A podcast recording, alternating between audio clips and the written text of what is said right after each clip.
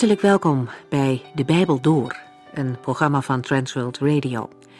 De Bijbel Door is een radioserie die u in vijf jaar meeneemt door de hele Bijbel. Van Genesis 1 tot Openbaring 22.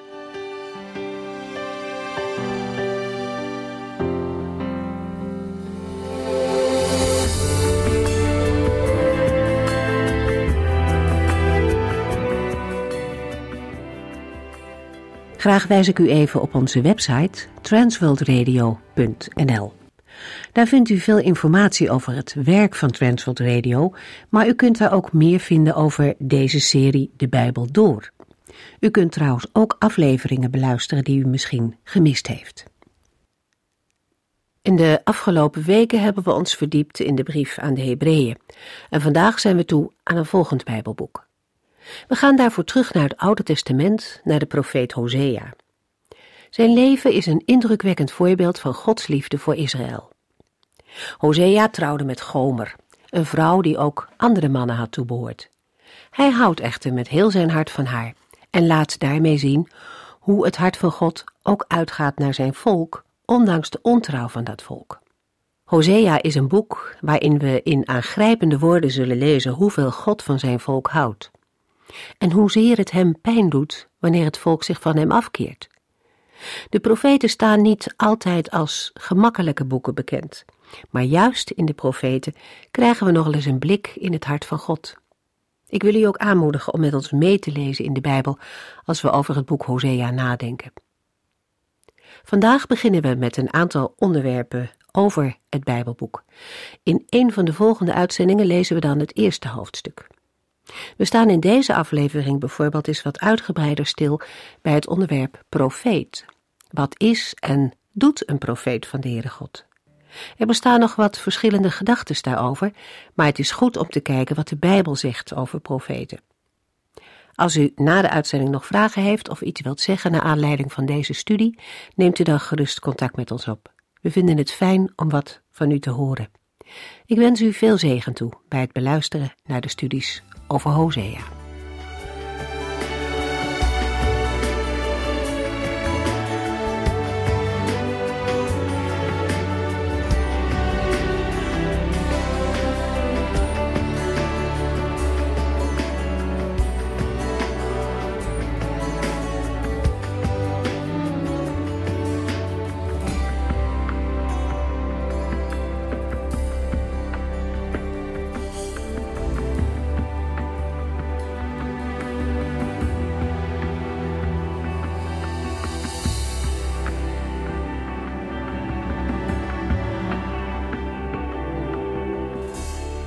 Hosea is de eerste van de zogenaamde kleine profeten, die met hun twaalfen het Dodeca-profeton, het twaalf profetenboek vormen. De naam Dodeca-profeton is afkomstig van Jezus Sirach. De aanduiding kleine profeten gaat terug op de kerkvader Augustinus, die erbij zegt dat de naam klein betrekking heeft op hun preken of geschriften die korter zijn dan van de andere profeten, die ons langere geschriften hebben nagelaten. De aanduiding mag beslist niet zo worden begrepen dat de betekenis van de kleine profeten minder zou zijn dan die van de anderen. Mannen als Amos en Hosea hebben in kracht en betekenis zeker niet voor profeten als Jezaja en Jeremia ondergedaan. De plaats van de kleine profeten is in de Hebreeuwse Bijbel achter Ezekiel. In de Septuaginta staan ze voor Jesaja. In deze Griekse vertaling van het Oude Testament overweegt blijkbaar de chronologische volgorde. Hosea en Amos gaan namelijk in tijdsorde aan Jesaja en Jeremia vooraf. Deze chronologische volgorde heeft ook een rol gespeeld bij de rangschikking van de profeten, die in de Septuaginta ook een ander is dan in de Hebreeuwse Bijbel. De Septuaginta heeft de volgorde Hosea, Amos, Micha, Joel, Obadja, Jona, Nahum en verder dezelfde als die in de Hebreeuwse Bijbel. In de Hebreeuwse Bijbel is er naast een chronologische volgorde, de oudste profeten voorop en de profeten van na de ballingschap achteraan, ook een volgorde naar grootte. Daarom gaat Hosea aan Amos vooraf en is er een rangschikking naar onderwerpen, waardoor Joël en Amos bij elkaar staan. Omdat in beide Bijbelboeken van de dag van de Here en van een sprinkhanenplaag sprake is.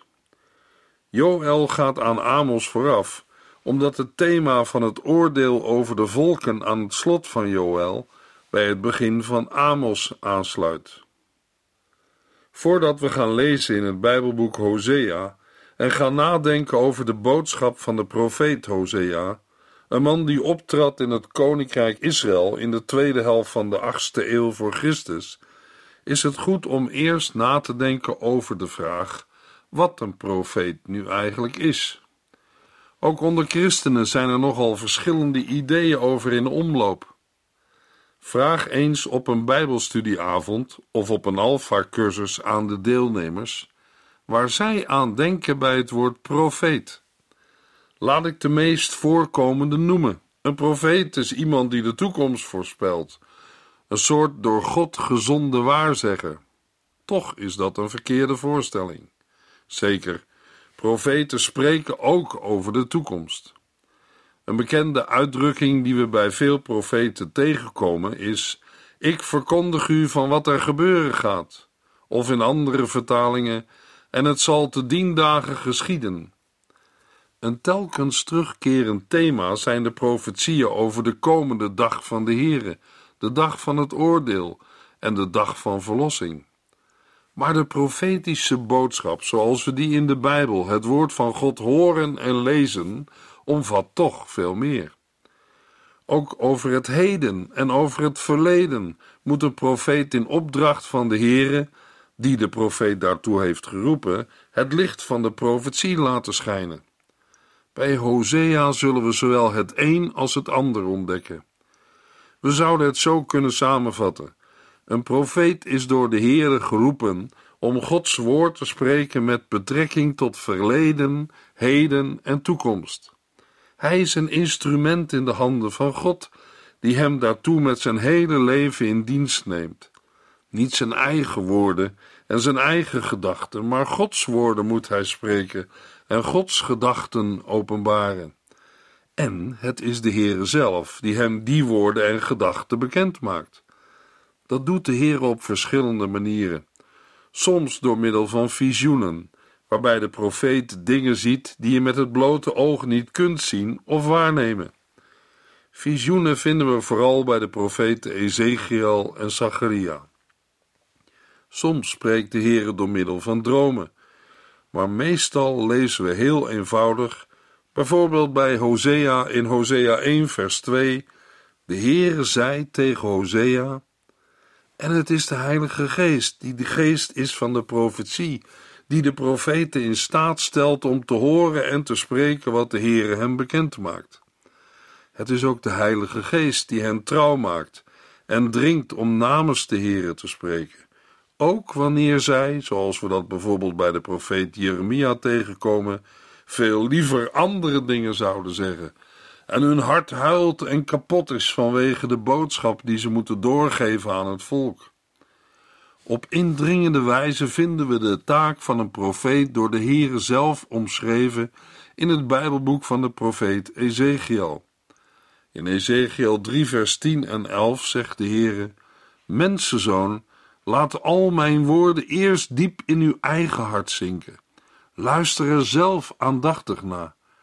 Pas dan moet u naar uw volk in ballingschap gaan en, of zij luisteren of niet, tegen hen zeggen: Dit zegt de oppermachtige Heer. Uit deze opdracht blijkt wel dat de taak van een profeet niet gemakkelijk is.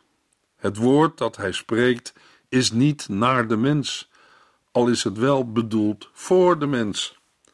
In tegenstelling tot de valse profeet die zegt wat de mensen graag willen horen, komt de profeet van God met een boodschap die haak staat op wat mensen aangenaam in de oren klinkt. En daarom roept de boodschap die de profeten moeten doorgeven vaak ergernis en woede op, of mensen gaan er schouderophalend aan voorbij. Vaak worden de profeten gezien als onruststokers en pessimisten. Velen nemen hun boodschap niet in dank af of niet serieus. Gods profeten worden vaak niet geloofd. Mensen horen in hun woorden niet de stem van de Heere, de enige ware en levende God. Zijn rechtvaardig oordeel eist de dood van de zondaar. Maar tegelijk is de Heere uit op de redding van zondaars. Juist daarom stuurt hij zijn profeten om te waarschuwen tegen de heilloze wegen die zijn volk wil gaan. Juist daarom roepen de profeten op tot bekering van zonde en terugkeer naar de dienst van God. En luisteraar, dat is vandaag nog steeds zo. In 2 Petrus 1, vers 19 tot en met 21 lezen we: Wij zijn er nu dus nog zekerder van dat het waar is wat de profeten hebben gezegd. U doet er goed aan daarop uw oog te richten, als op een lamp die een donker vertrek verlicht. Hun woorden verlichten ons innerlijk, totdat de morgenster opgaat in ons hart. U moet goed onthouden dat niets van wat de profeten in de boeken hebben gezegd, zonder de hulp van de Heilige Geest kan worden uitgelegd. Want zij hebben die woorden niet zelf bedacht, maar de Heilige Geest heeft hen ertoe gedreven namens God te spreken. Bij deze woorden komt de vraag op of wij, u, jij en ik, ook onvoorwaardelijk willen buigen voor de profetische woorden van de Heer. Laten wij ons erdoor gezeggen en corrigeren. Van nature verzetten ook wij ons tegen het profetische woord. De gemeente van het Nieuwe Testament, iedere gelovige in Christus, is op een bijzondere wijze aan Israël verbonden. Alles wat hen is overkomen, is een voorbeeld voor ons. En dan is er vaak zoveel herkenning met het oud-testamentische Israël. Dan moeten ook wij vaak bidden: Heere, doe niet met ons naar onze overtredingen en zonden, maar naar uw barmhartigheid. Alleen wanneer de Heilige Geest het woord opent voor ons hart en ons hart opent voor Gods woord, leren we luisteren, geloven en gehoorzamen. Anders halen we voor Gods woord onze schouders op of passen het aan, zodat het in ons straatje past. Een mens kan er ook aan voorbij gaan en het afdoen met dwaas, want het valt voor een mens ook niet mee te buigen voor Gods woord. Als dat woord de vinger legt bij ons falen, onze zonde en nalatigheid. Het is voor een natuurlijk mens moeilijk te verteren dat de Heer ons zondaars noemt en daden en levenswandel aanwijst als zaken die Hij veroordeelt en moet straffen, tenzij er een oplossing komt en verzoening. En weet u wat nu zo geweldig is? De Heere zegt niet als wij mensen ons van Hem afkeren, zoek het dan maar zelf uit. Ze vragen niet naar mij, dan vraag ik ook niet meer naar hen. De Heere zegt niet: Ik trek mij terug in stilzwijgen, want de mensen luisteren toch niet. Weet u, dat zou voor ons de grootste ramp betekenen, onze dood en de eeuwige ondergang. Nee, de Heere zegt, en ik zeg het met de woorden van een dichter: Profeet, sta op, profeet, ga profeteren, want eer ik als rechter wederkom, moet zich mijn volk geheel tot mij bekeren. In de woorden van de profeten klinkt Gods worsteling om het behoud van zijn volk. Zo is het vandaag nog steeds. Ik hoop en bid dat u en jij zo zullen luisteren naar het woord van de levende God, ook in de uitzendingen over het Bijbelboek Hosea. De bewogenheid van de Heere, zijn verlangen om genadig te zijn, lezen we bijvoorbeeld in Jesaja 30 vers 18 en 19. Desondanks wacht de Heere nog steeds tot u bij hem komt, zodat hij u zijn liefde kan tonen. Hij zal u veroveren om u te zegenen, precies zoals hij heeft gezegd.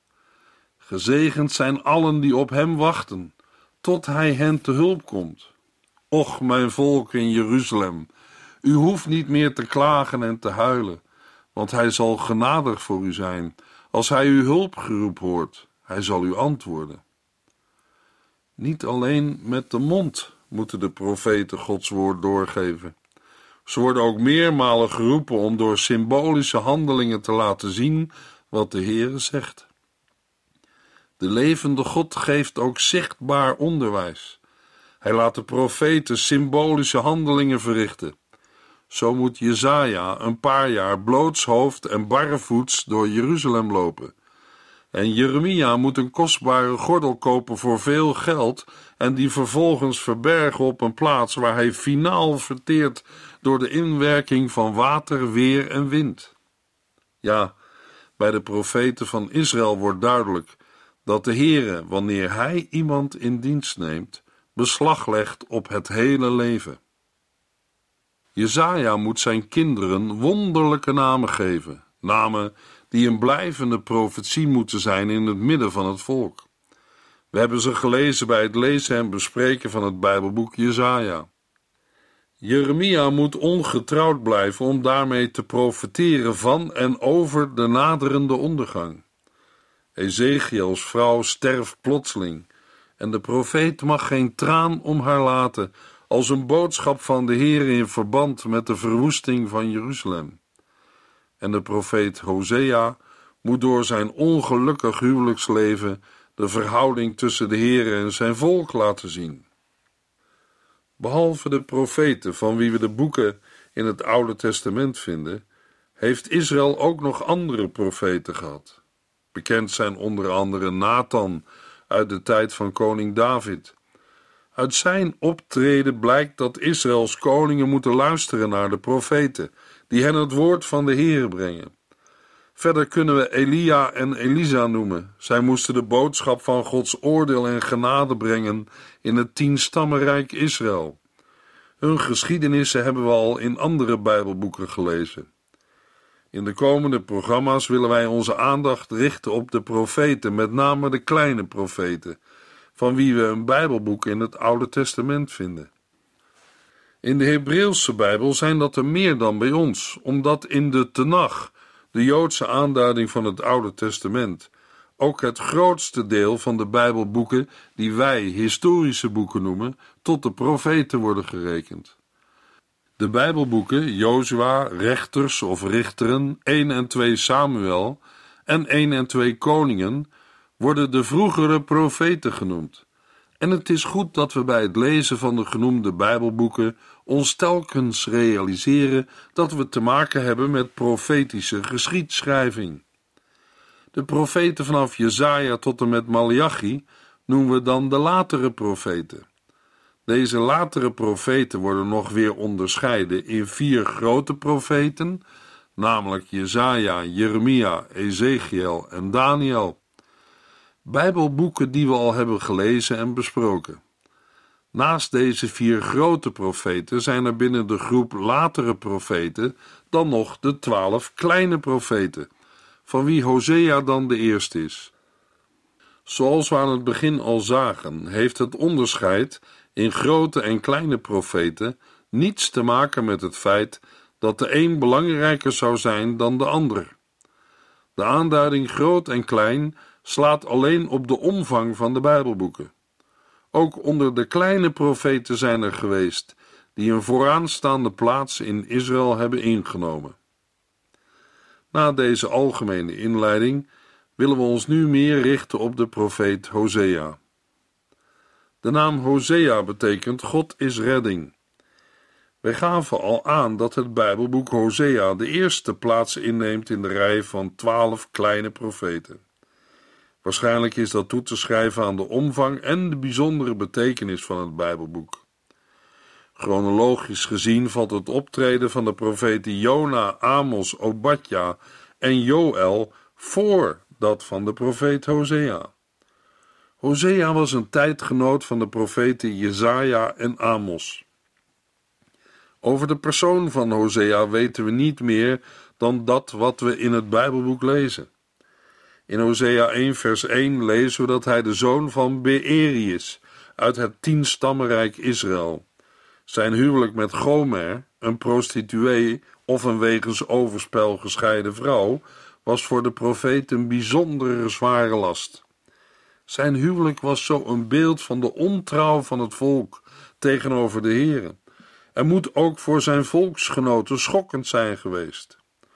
De opdracht die Hosea van de Heer ontvangt is volkomen onbegrijpelijk, tenzij het wordt gezien als een teken, een zichtbare prediking van de toestand van het volk ten opzichte van de Heere. Daarbij ben ik niet van mening, zoals sommige Bijbeluitleggers menen, dat we het huwelijk van Hosea alleen symbolisch moeten zien. Want dan kan er van dat huwelijk nooit die zichtbare prediking zijn uitgegaan naar het volk Israël.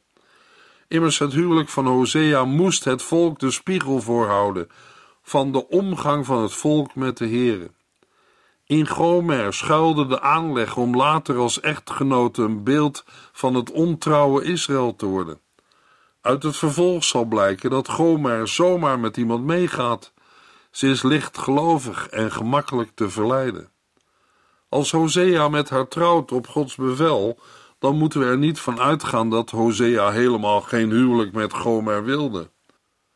Uit heel het Bijbelboek wordt duidelijk dat Hosea met een bijzondere liefde van Gomer houdt. Juist daarom kan hij ook bij uitstek de profeet zijn die in hartstochtelijke woorden de liefde van de Heere kan verkondigen. Zijn liefde voor Gomer is zo groot dat hij in staat is onbegrijpelijk veel te dragen en te vergeven.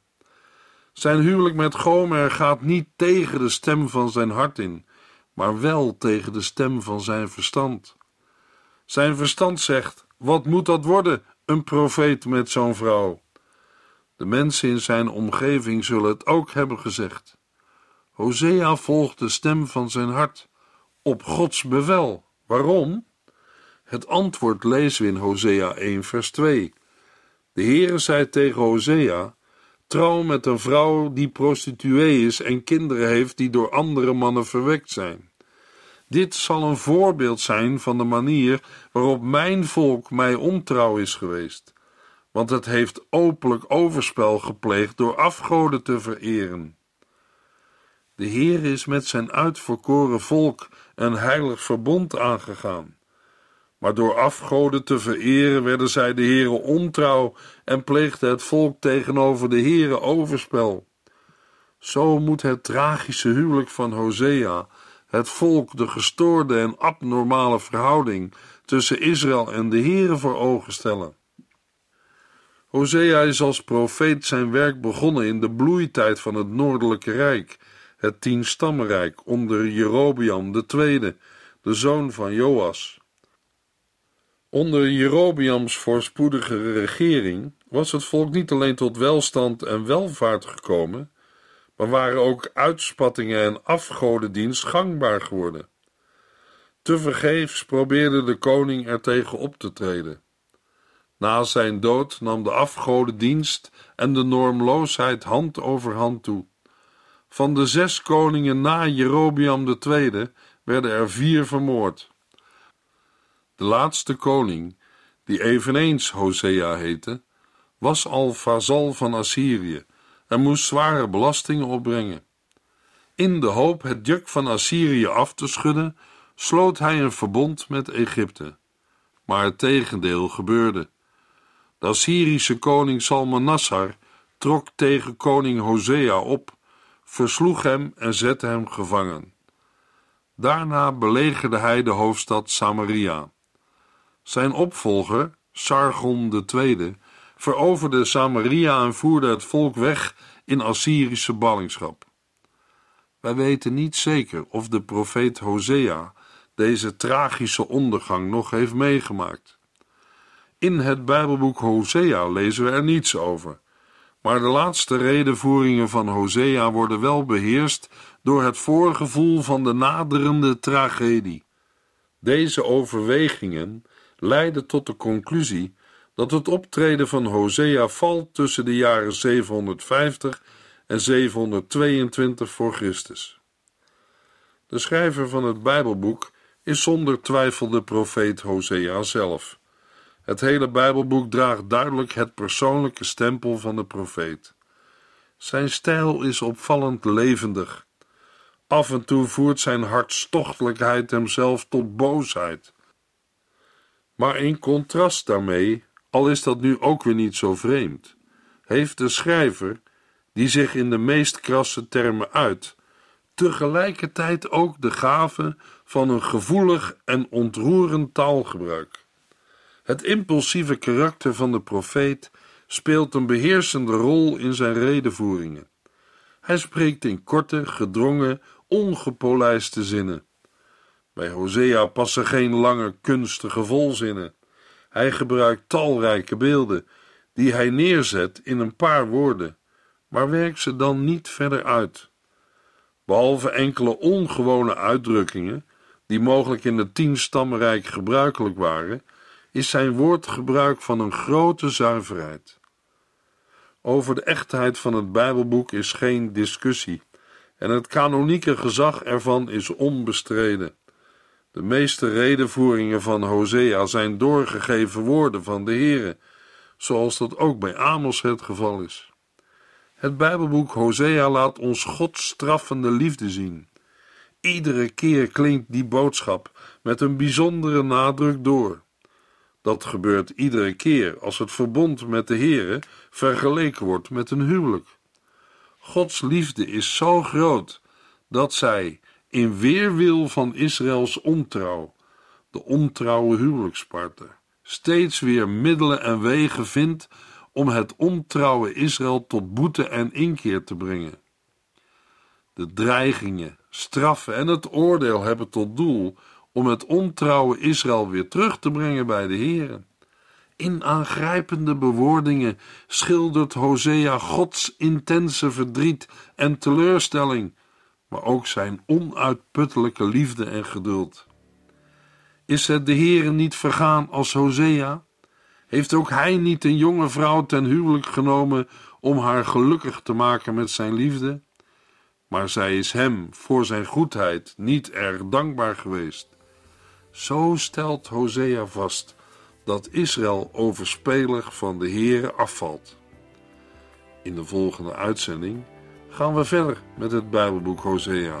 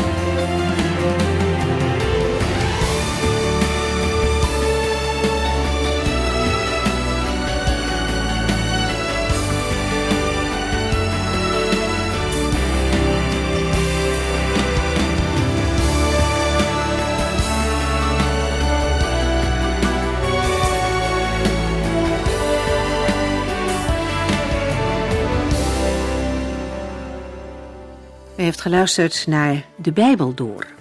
In het Nederlands vertaald en bewerkt door Transworld Radio. Een programma waarin we in vijf jaar tijd de hele Bijbel doorgaan. Als u wilt reageren op deze uitzending of u heeft vragen, dan kunt u contact met ons opnemen. Tijdens kantooruren kunt u bellen op 0342 47 8432. 0342 47 8432. 32. Ook kunt u een e-mail sturen naar de Bijbel door transworldradio.nl en natuurlijk kunt u ook via de post ons bereiken. TWR, postbus 371, postcode 3770, AJ in Barneveld. Dit programma werd gepresenteerd door Corweda en Ike André. Techniek was in handen van Odin van Woerdenkom. En namens ons allemaal bedanken we u van harte voor het luisteren.